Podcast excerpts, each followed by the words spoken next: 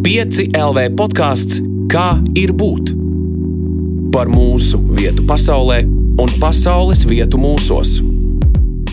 Sveiciens piecēlē podkāstā, kā ir būt. Mans vārds ir Elīna Balskara, un mēs šobrīd uh, turpinām runāt par to, kas notiek Ukrajinā no daudzām dažādām perspektīvām.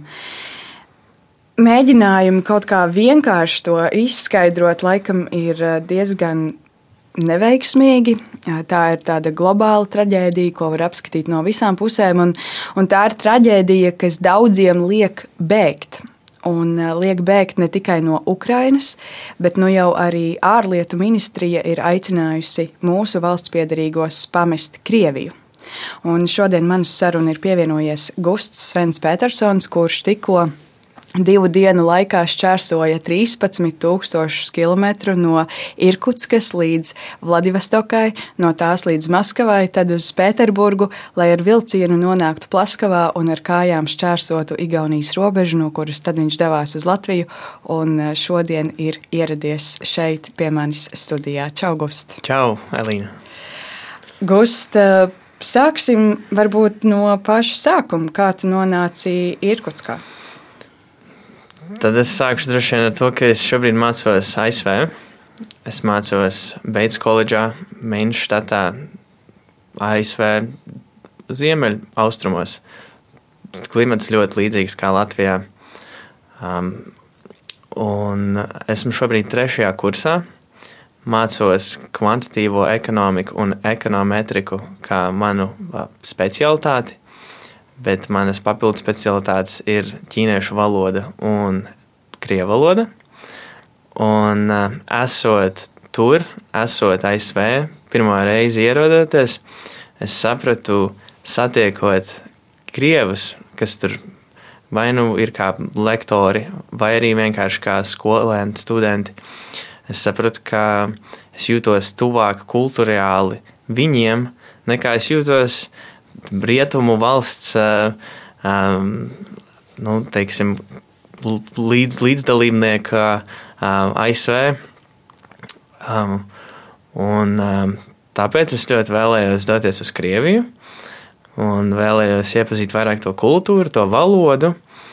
Un, uh, tā nu izdevās, ka janvāra beigās, 31. janvārī, pēdējā dienā, es varēju doties uz uh, Maskavu pavadot tur piecas dienas, orientēšanās nedēļu, un pēc tam dodoties uz Irkutsku, kas ir 5000 km no Maskavas, un sāku tur mācīties. Mācījos četrus priekšmetus, krievu valodu, literatūru, gogoļa, ekoloģiju, Baikāla ezera, kas ir turpat blakus mežonī interesants dabas objekts, 20% no pasaules saldūdens rezervēm ir Baikāla ezerā, senākais, dziļākais saldūdens ezers. Un ceturtais kurs bija Krievijas, vai precīzāk sakot, Sibīrijas vēsture, kur mums tikai bija viena vai divas klases. Tātad Tas, tu tur mācījies, sākot no februāra sākuma, tu pavadīji tur salīdzinoši neilgu laiku. Jā, es pavadīju tur tikai četras nedēļas. Un kas bija tas, ko tu pieredzēji šo nedēļu laikā? Es pieredzēju ļoti lielu laipnību. Es pieredzēju kaut kādu pazīstamības sajūtu. Ēdieni bija līdzīgi. Universitāte sajūtās kā tāda atmiņu klade no Latvijas mācību laikiem, Jo jāatzīmē, ka es no 17 gadu vecuma neesmu mācījies Latvijā. Šobrīd man ir 23 gadi. Un, uh, tas bija kaut kādā ziņā tā skaisti, viegli nostalģiski būt tajās uh, gaiteņu telpās un, un sajust to kaut kādu to atmosfēru. Kaut vai nu, tas nav tur ar visām vislabākajām uh, iekārtām vai, vai tehnoloģijām, kādas man ir, piemēram, ASV mācoties, bet kaut kāda tas, tā pazīstamības sajūta bija ritīgi feina, jāsaka. Cik ilgi tā bija paredzēts tur būt? Līdz 20. maijam. Tātad vesels semestris. Vesels semestris, jā, četri mēneši. Un tad 24. februārī Krievijā iebruka Ukrainā. Kas, kur tu atradies, ko tu darīji šajā dienā, kad eh, notika iebrukums? Es biju Irkutskā. Tas bija, tā bija laikam jau pēcpusdiena man, jo ir sešu stundu starpība starp Latvijas laiku un starp uh, Irkutskas laiku. Pirmais laikam bija zvans no mammas, kad viņa teica, ka ir sācies karš. Un, uh, pirmajā brīdī es biju nepārliecināts, vai tas ir tas īstais vārds, kā to nosaukt. Uh, jo, protams, emocijas varētu būt ļoti augstas, un uh, varbūt tas nav tik nopietni, kā tas uh, izklausās vai izskatās. Bet nu, drīz vien arī saņēmu zvanus no citiem radiniekiem, kuri man ļoti silti aicināja atgriezties mājās. Parasti es radniekus neklausos, bet šajā situācijā es domāju, ka es ļoti vēlos cienīt viņu viedokli. Um, un, uh, un, es, un es sāku pētīt, kas, kas notiek pirmkārt. Un drīz vien atklāja arī, kad, jā, kad ārlietu ministrija aicina atgriezties visus uh, latviešus, kas ir Krievijā, mājās vai vienkārši izbraukt no valsts. Un, ātri pieņēmu lēmumu, nopirku biļeti caur tā izzemi, lai tad dotos caur Abu Dabiju, caur Frankfurtu uz Latviju. Bet uh, ierodoties lidostā no rīta, um, um, atskāra, ka nav Covid testa un uh, nav arī tas tā izzemes tā QR koda. Un tad vajadzēja kopā ar vēl diviem amerikāņiem. Es nebiju vienīgais, kas eh, šo nezināja. um, vajadzēja domāt nākamo plānu. Nākamais plāns bija doties uz Sēlu, Dienvidkoreju, caur Vladivostoku. Bet, uh, nolaižoties Latvijas-Stokā, mums teica, ka uh, lidmašīnas reizes ir pārlikts par divām dienām. Un, uh, jā, tālāk tas plāns bija tāds, kāds arī beigās izvērtās caur Maskavu, uz Pēterburgu un uz mājām. Jā, Plaskavu. Jā. Kāds bija tas apkārt valdošais noskaņojums tur tajā brīdī, kas bija viens tā informācija, ko tu saņēmi un kā tu to apstrādāji, lai saprastu arī, kur doties un ko darīt? Apkārtējā informācija noteikti bija sagrozīta. Mana jāpiebilst, ka es dzīvoju viesģimenē. Dzīvoju ar 71 gadus vecu dāmu, kura man gan baroja, nu, ja tā var teikt, diezgan um, um, skarbi, bet nē, nu, ēdināja, um, kur um, stāstīja man stāstus un izklaidēja nereti arī kaut kādā ziņā, jo es krievu valodu vēl, protams, mācījos tikai. Un um, viņas informācijas telpa bija principā tikai televizors, tas, kas bija viņai mājās. Un, kā jau noteikti ļoti daudz mēs zinām, klausītāji, ka tā informācijas telpa ir tiešām ļoti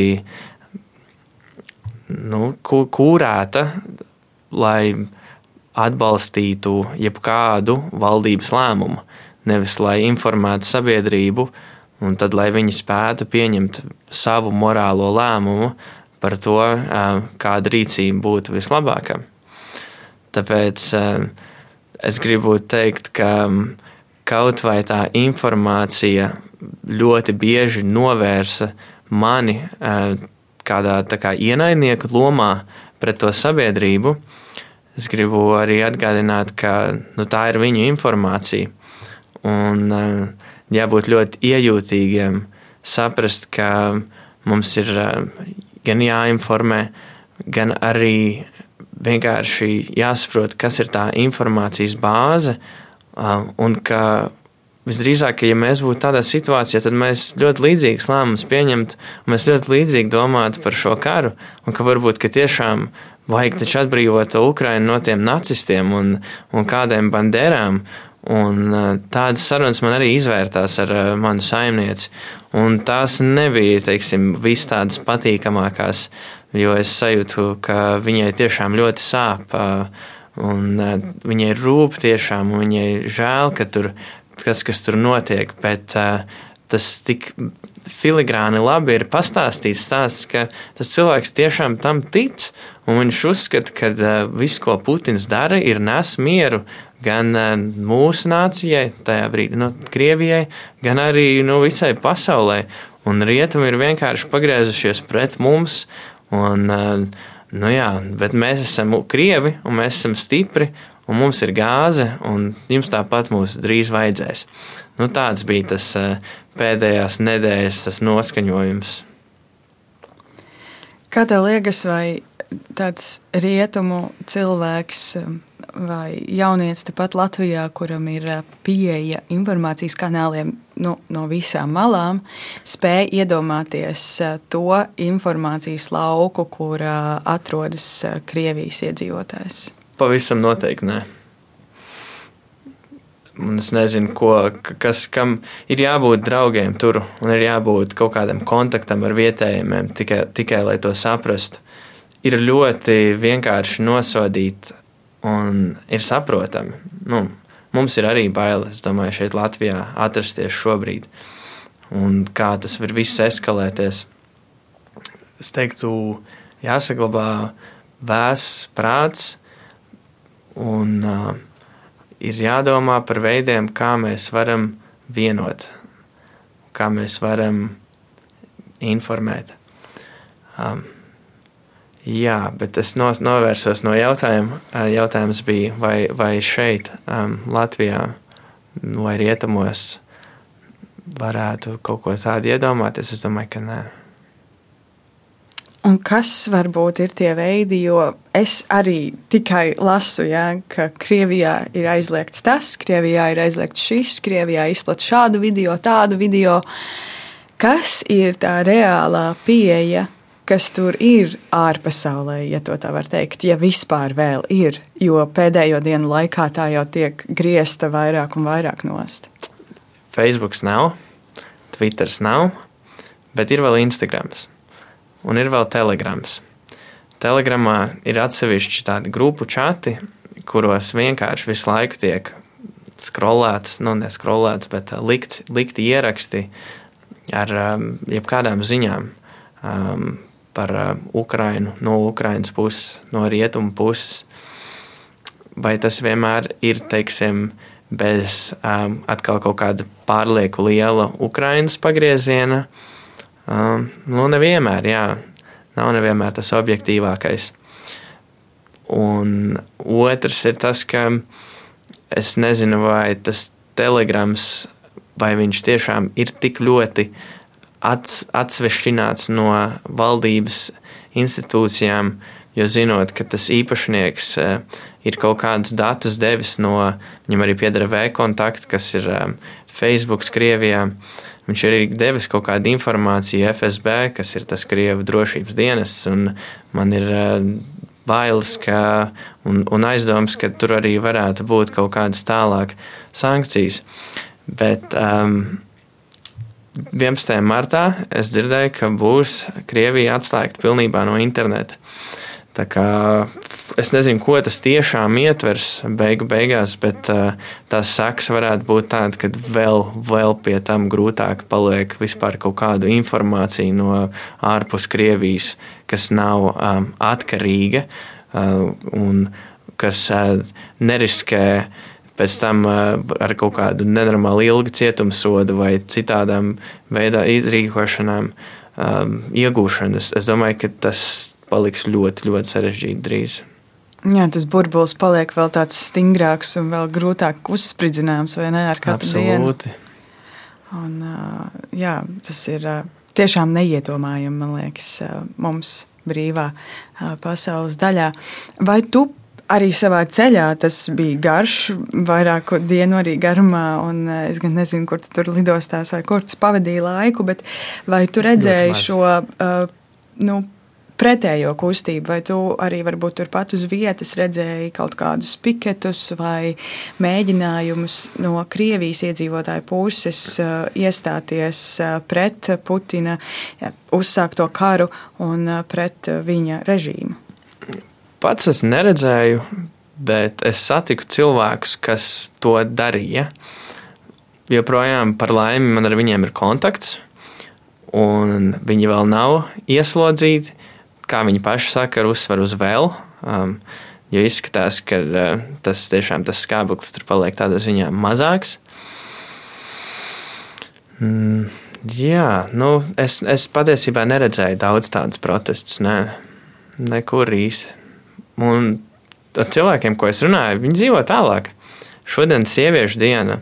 Es sarakstījos ar um, vienu meiteni, prasīju, kā iet. Viņa teica, ļoti labi. Ir pirmsvētku noskaņa, un nu, jā, gaidām, gaidām svētkus. Un, un, un, būs, un, un nesen bija masļaņica arī, un man liekas, ka vēl turpinās. Tā kā nu, tāda, principā, dzīve nemainās šobrīd. Tie cilvēki, ko tu teici, kurus tu pazīsti, kas iestājas pret uh, režīmu, vai tu esi ar viņiem runājis par to viņu kaut kādu motivāciju, kas, vai no kurienes viņiem šī pretreakcija tajā lielajā burbulī, kurā tev stāsta visu laiku vienu un to pašu, kur viņiem tā acu atvēršanās? Ļoti labs jautājums. Es labprāt uh, pavaicātu tieši tādiem vārdiem, un to noteikti arī izdarīšu pēc šī, uh, šīs epizodes. Uh, bet ko es varu teikt? Hmm. Kāda ir viņu motivācija? Nu, viens žeks man teica, ka viņš labāk sēž trīs gadus ķurmī nekā brauc uz karu un brauc karot. Es nezinu, kādas tur vai, vai tur, nu, tur noteikti ir arī morālā motivācija, bet eh, nu, tā, tāda bija viņa eh, piebilde par šo visu. Citādi es noteikti pajautāšu. Noteikti vismaz atsūta man atbildi. Labi. Uh, jo um, man tiešām um, interesē. Bet tas, ko tu saki, es laikam nebiju iedomājies tādu dilemmu, kas varētu būt tieši jauniem puišiem Krievijā šobrīd, kad uh, draud uh, nu, obligāts dienas. Jā. Vēl izteiktāk, jā. Jā, jā, jā, un tajā brīdī tev tiešām uh, ir variants. Un ja tu zini patiesībā, kas notiek tur, Ukrainā, nu, kāds, jā. cik daudz aiziet bojā, tad diez vai ir vēlme turp doties. Bet, um, Tu pieņēmi lēmumu doties prom. Um, kāpēc?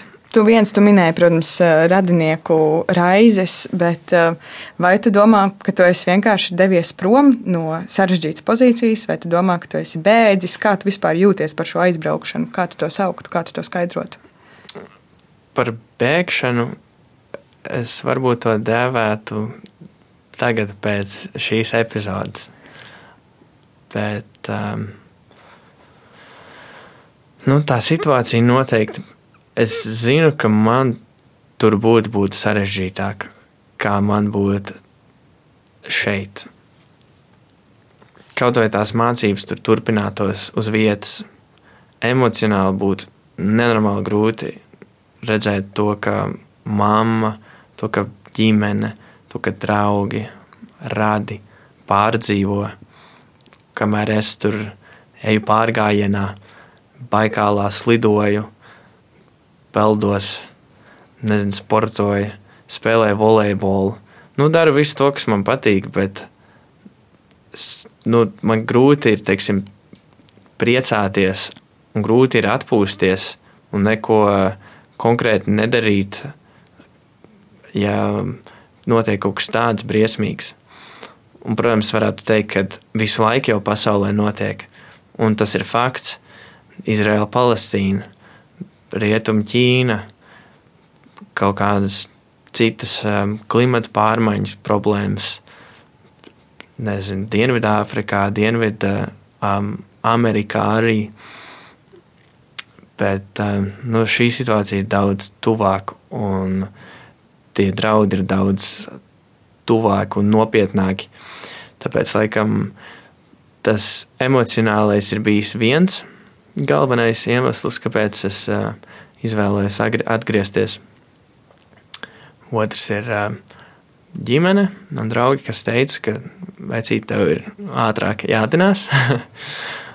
un trešais ir tas, ka tajā rītā, kad es iekāpu, kad es vēlējos kāpt reisā uz uh, tā zemi, tad uh, skola pateica, ka ir atcēlusi programmu klātienē. Tā kā jebkurā gadījumā tas nemaz nebūtu vairāk iespējams. tad, tad turpinās mācīties uh, attālināti. Jā. Jā.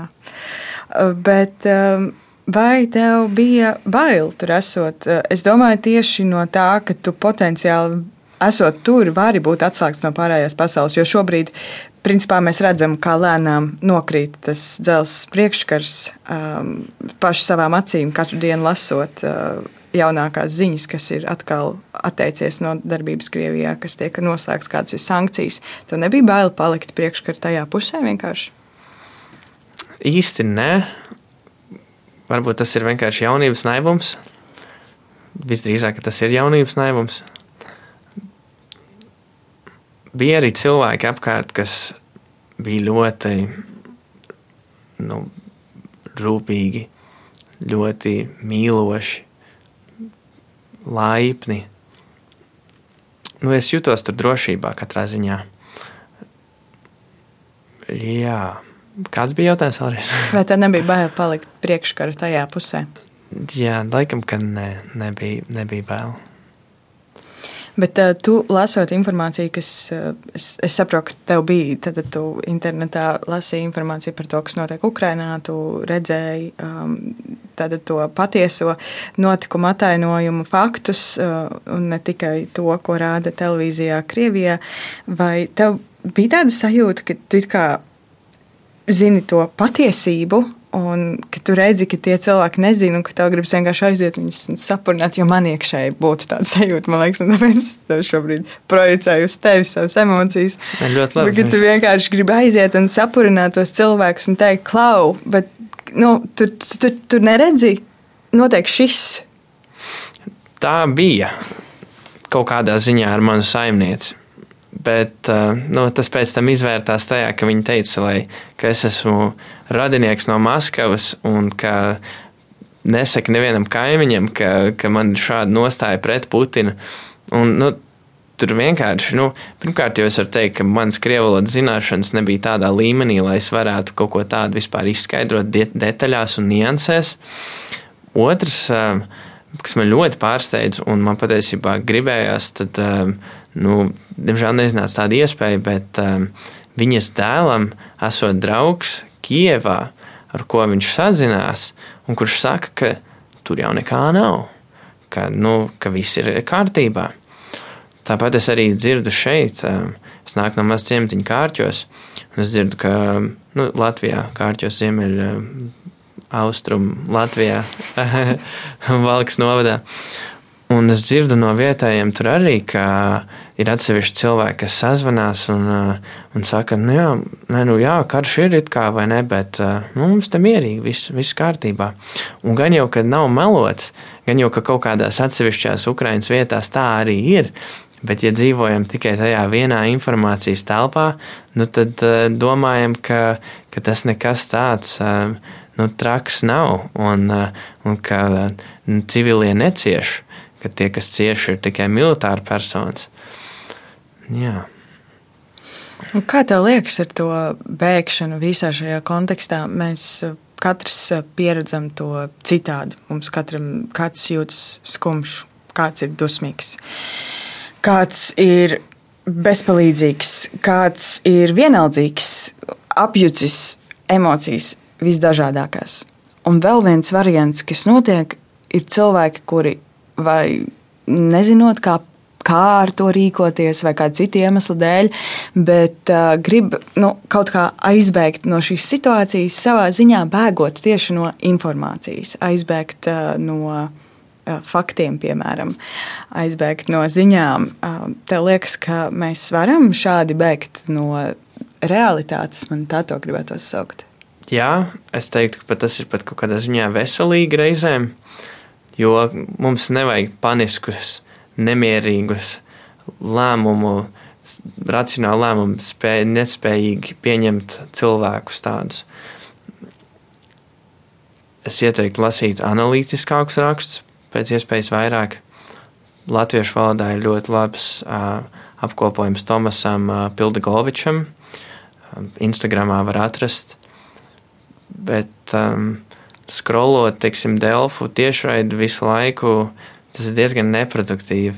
Un man liekas, ka tādā veidā mēs varam aizmirst par ļoti daudzām mums svarīgām lietām, kā piemēram parūpēties par mentālo vai fizisko veselību, pasportot, iziet pastaigā, nezinu, parūpēties par saviem mājdzīvniekiem, aiziet pie saviem vecvecākiem, varbūt izdomāt to 72 stundu evakuācijas plānu, ko, ko ņemt līdzi un ko varbūt atstāt.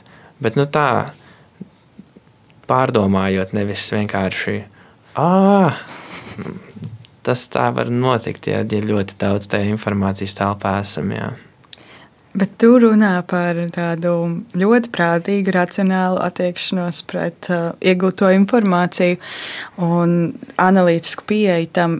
Es to nesauktu par bēgšanu Bēgšana no informācijas ir kaut kas cits. Bēgšana mm -hmm. no mhm. informācijas ir ignorēt arī 72 stundu somu. Bēgšana no informācijas ir noteikti nelasīt Tomas rakstus. Okay, Bēgšana no informācijas ir neskatīties arī telpu tiešraidi un vienkārši pateikt, ka šis uz mani neatiecas. Tas ir kaut kas cits. Es saglabāju, es dzīvoju savā mierā, un tas nav par mani. Okay, tad, es teiktu, tad es teiktu, pajautā, kas, kas, kas tad ir tas, kas attiecas uz tevi un kas ir tās tavas vērtības, kāpēc tu esi, teiksim, Latvijā, vai, vai Latvija ir tev tikai kā vienkārši atrašanās geolokācija, vai tas ir kaut kas arī Eiropas Savienības stāsts 70 gadi uh, miers, kas ir uh, pēc otrā pasaules kara bezpre, bezprecedenta, ka, ka tomēr Francija ar Vāciju vairāk nekaro viena ar otru, vai, vai, vai citas lietas. Mums šeit neiedomājami uh, draudzīgas uh, kaimiņu valstis, uh, kādas mums attiecības šeit ir.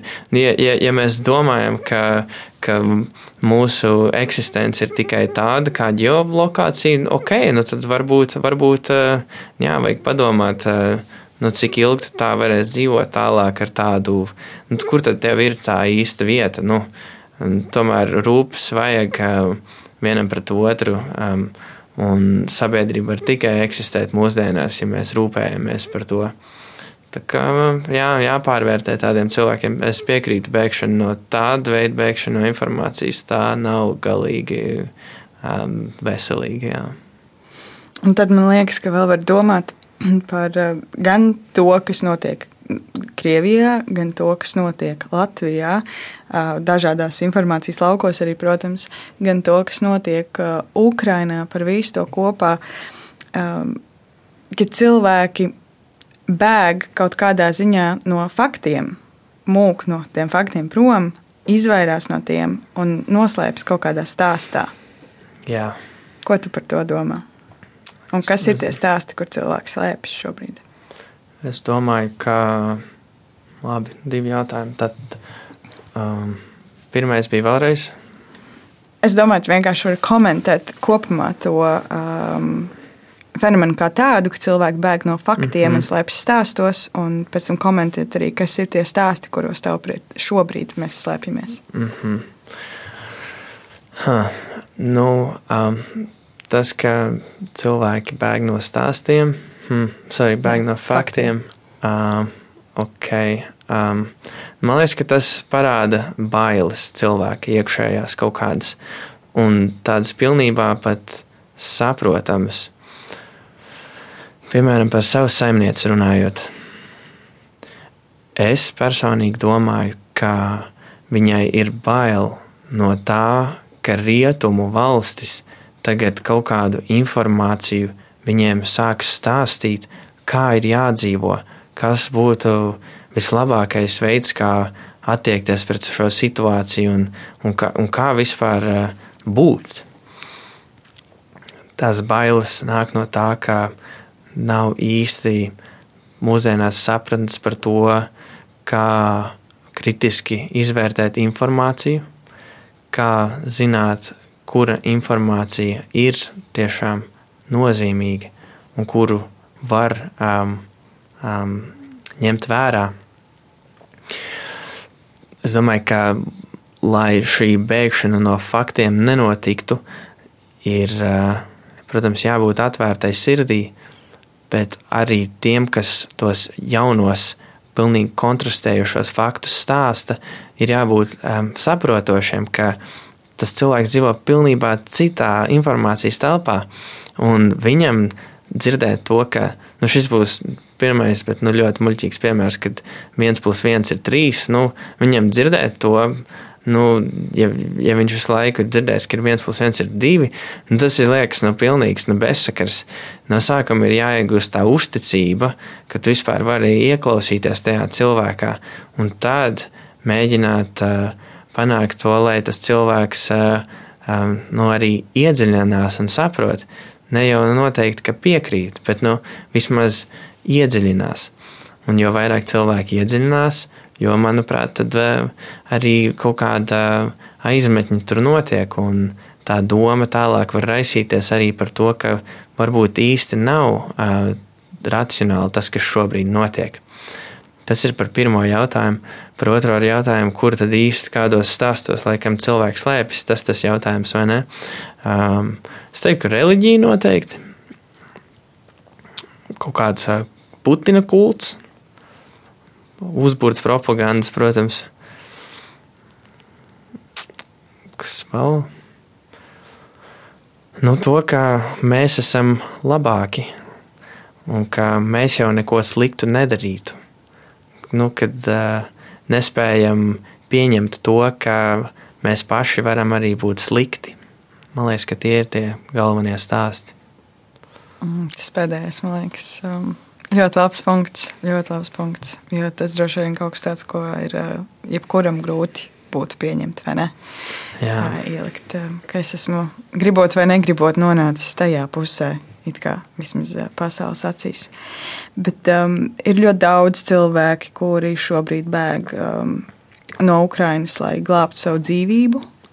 Uh, mēs piedzīvojam Eiropā milzīgu, milzīgu bēgļu uh, plūdumu šobrīd. Vēl piedzīvosim vēl daudz. Un piedzīvosim vēl ļoti daudz tieši tā, kā tu saki, tas ir pareizi. Um, daudziem jauniem cilvēkiem sākoties, uh, tātad karam Ukrainā bija jautājums iekšā, ko es darītu. Jā. Vai es bēgtu, vai es paliktu. Tu esi par to domājis? Es esmu par to domājis, noteikti. Es domāju, ka ja viss strikti trūkst, un tiešām tas būtu vis, vislabākais lēmums man, tad es būtu gatavs aizstāvēt Latviju. Bet um, šobrīd šķiet, ka ar vārdiem, ar informāciju, ar komunikāciju un ar attiecībām, man liekas, ka var panākt daudz vairāk. Jo tas konflikts nebeigsies ar to, ka nezinu, mēs tur um, aizstāvēsim Latviju no kaut kāda vienas nezinu, tanku bataljona. Teiksim, tas tāpat tās tur būs vēl nes cik un nes pārāki. Un tas jau nav tas limits. Ja, ja Latvija vai jebkura cita NATO dalība valsts iesaistās konfliktā, jau pilnībā atklātā karā, tad tas nozīmē, ir arī risks uz kodolkaru. Un tas ir pilnībā saprotams, ja ļoti daudz cilvēku arī izvēlēsies kaut kur pārvietoties. Tā kā es e, nenosodu tos cilvēkus, kas izvēlas kaut kur dotos, doties, lai tad attālināti palīdzētu. Ja, ja tas mērķis kaut kur doties ir, lai pēc tam attālināti palīdzētu, man liekas, tas ir ļoti, ļoti cēli un, un to vajag novērtēt un saprast. Uh, Jo mēs varam ļoti daudz dažādos veidos dot. Mēs varam informāciju nodot, mēs varam komunicēt ar tiem cilvēkiem otrā pusē. Jā, nu, ir daudz ko var darīt attālināti. Mm.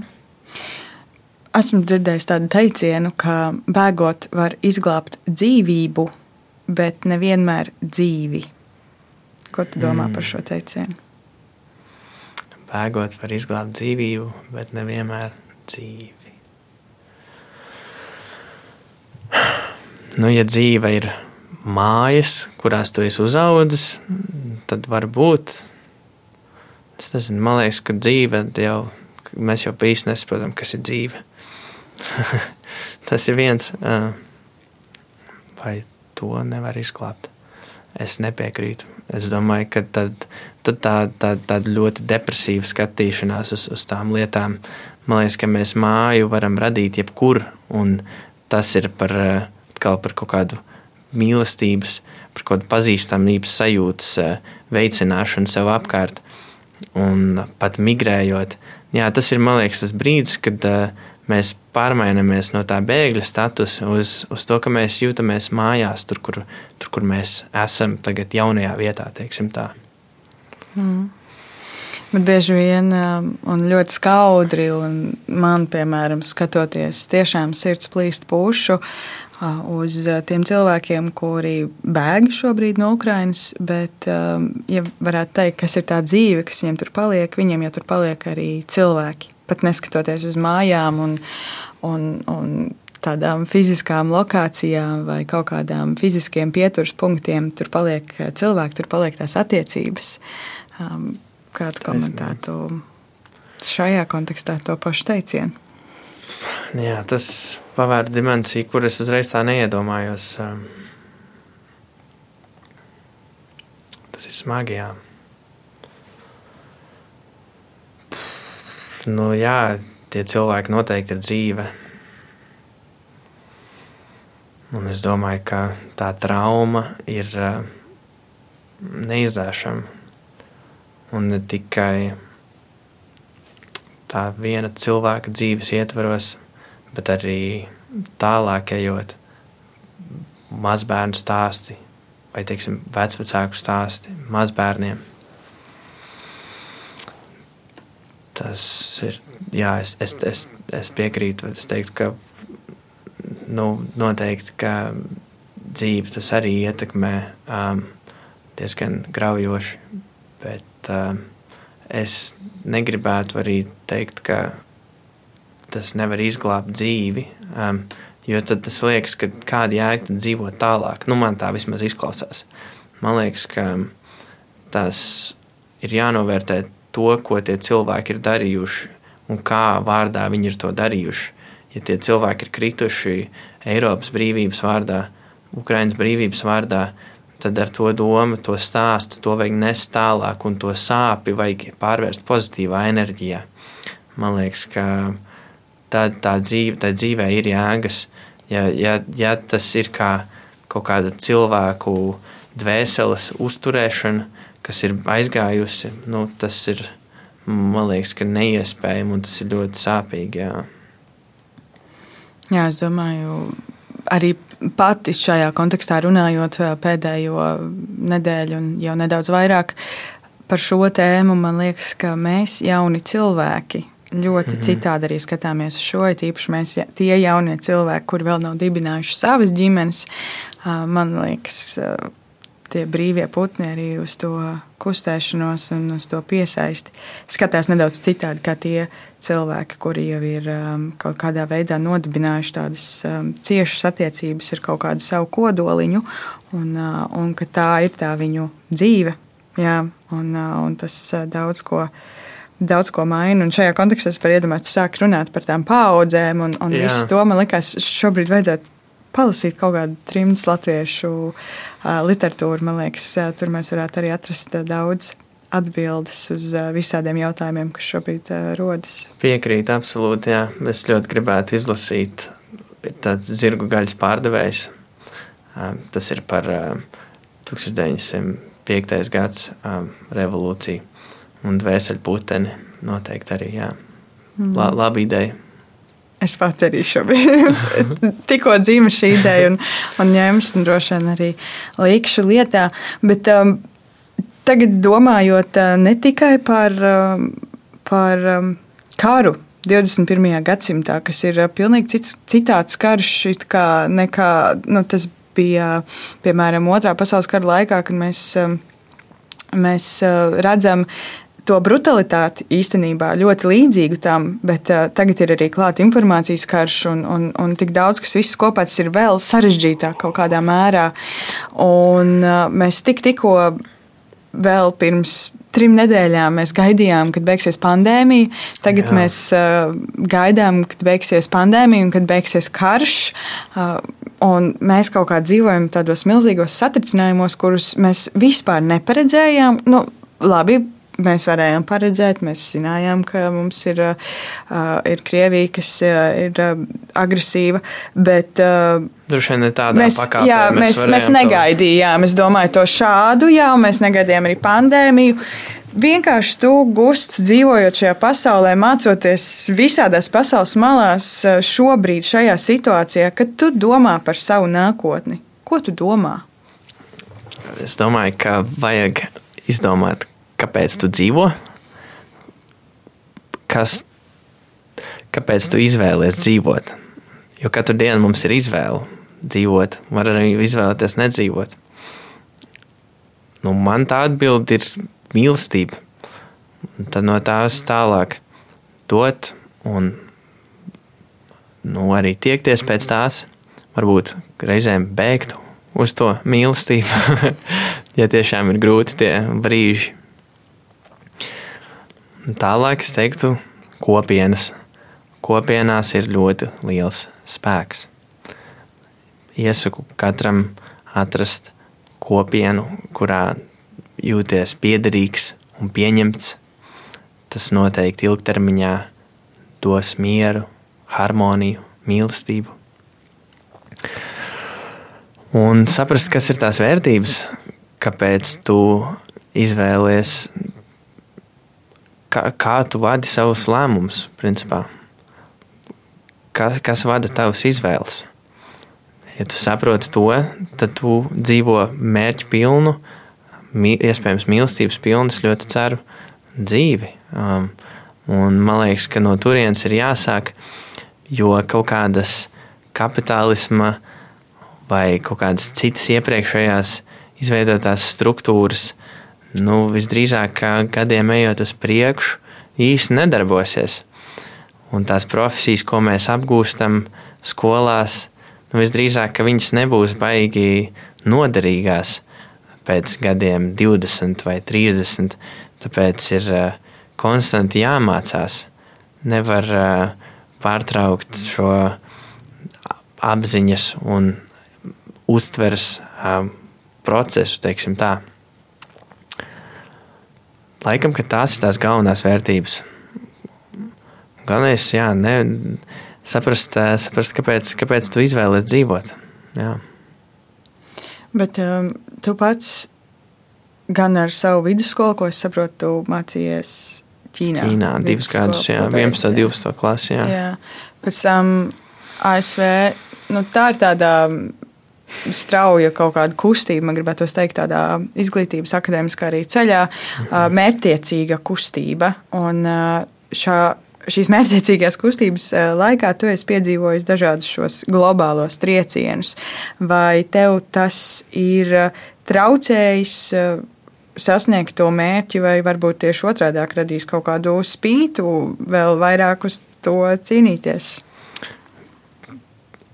Mērķi kā teiksim, mīlestība vai kaut ko tādu. Vai, Kas vai nu tev tas mērķis ir?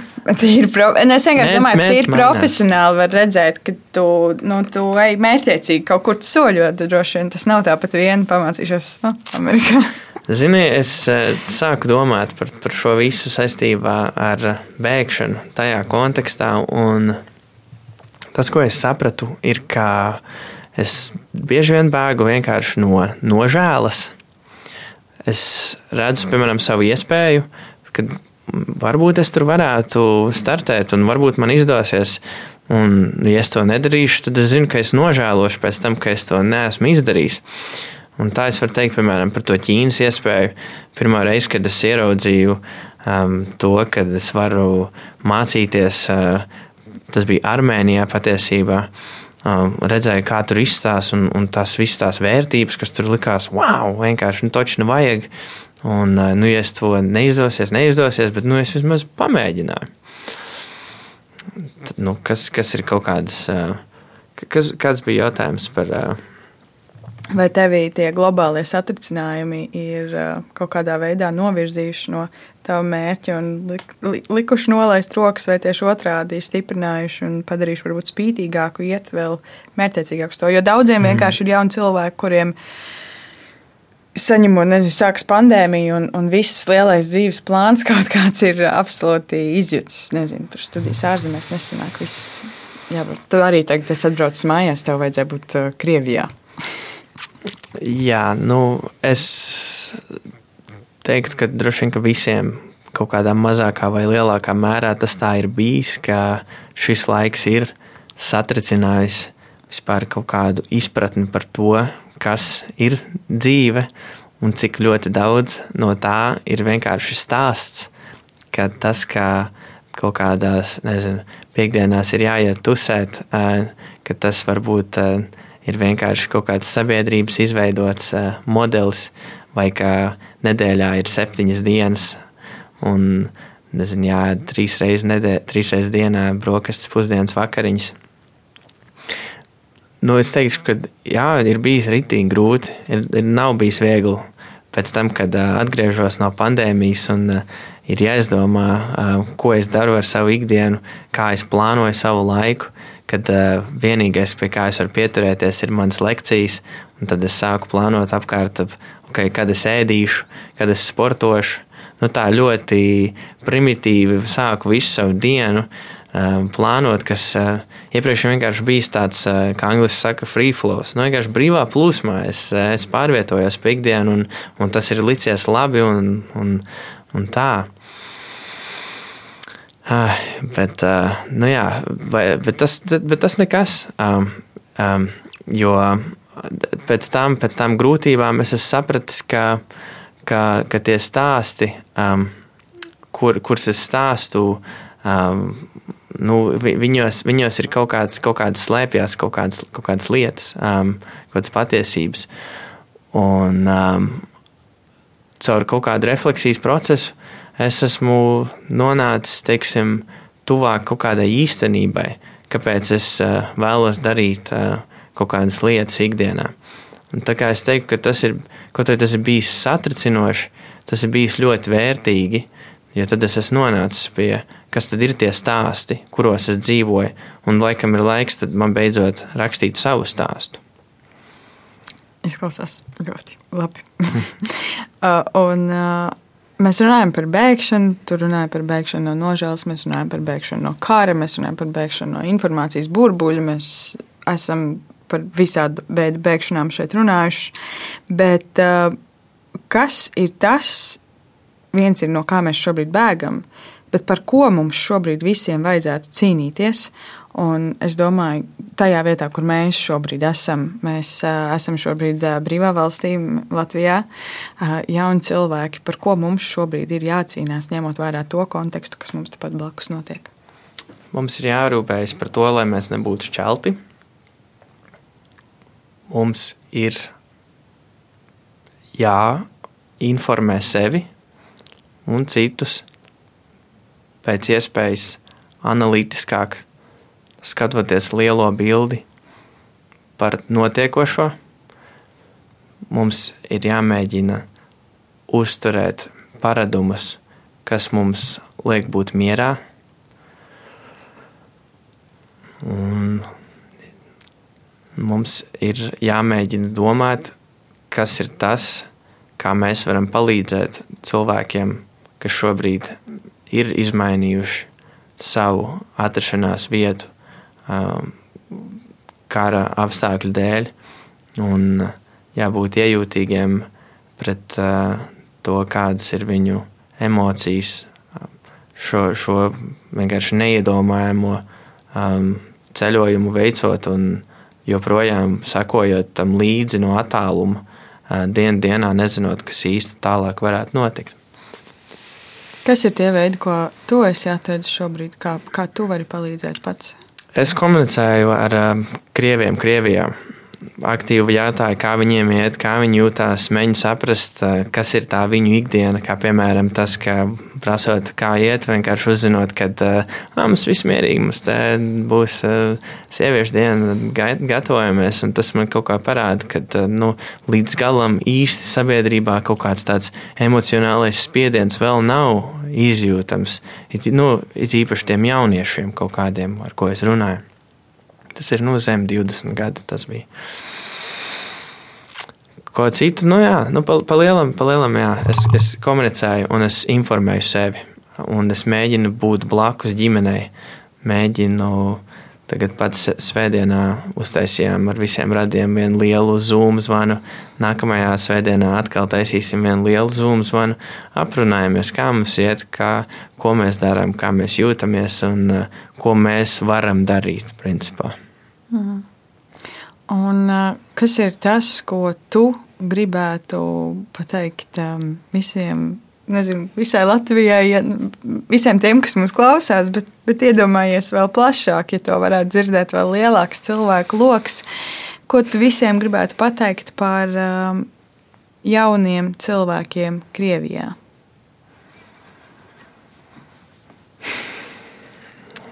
Es teiktu, ka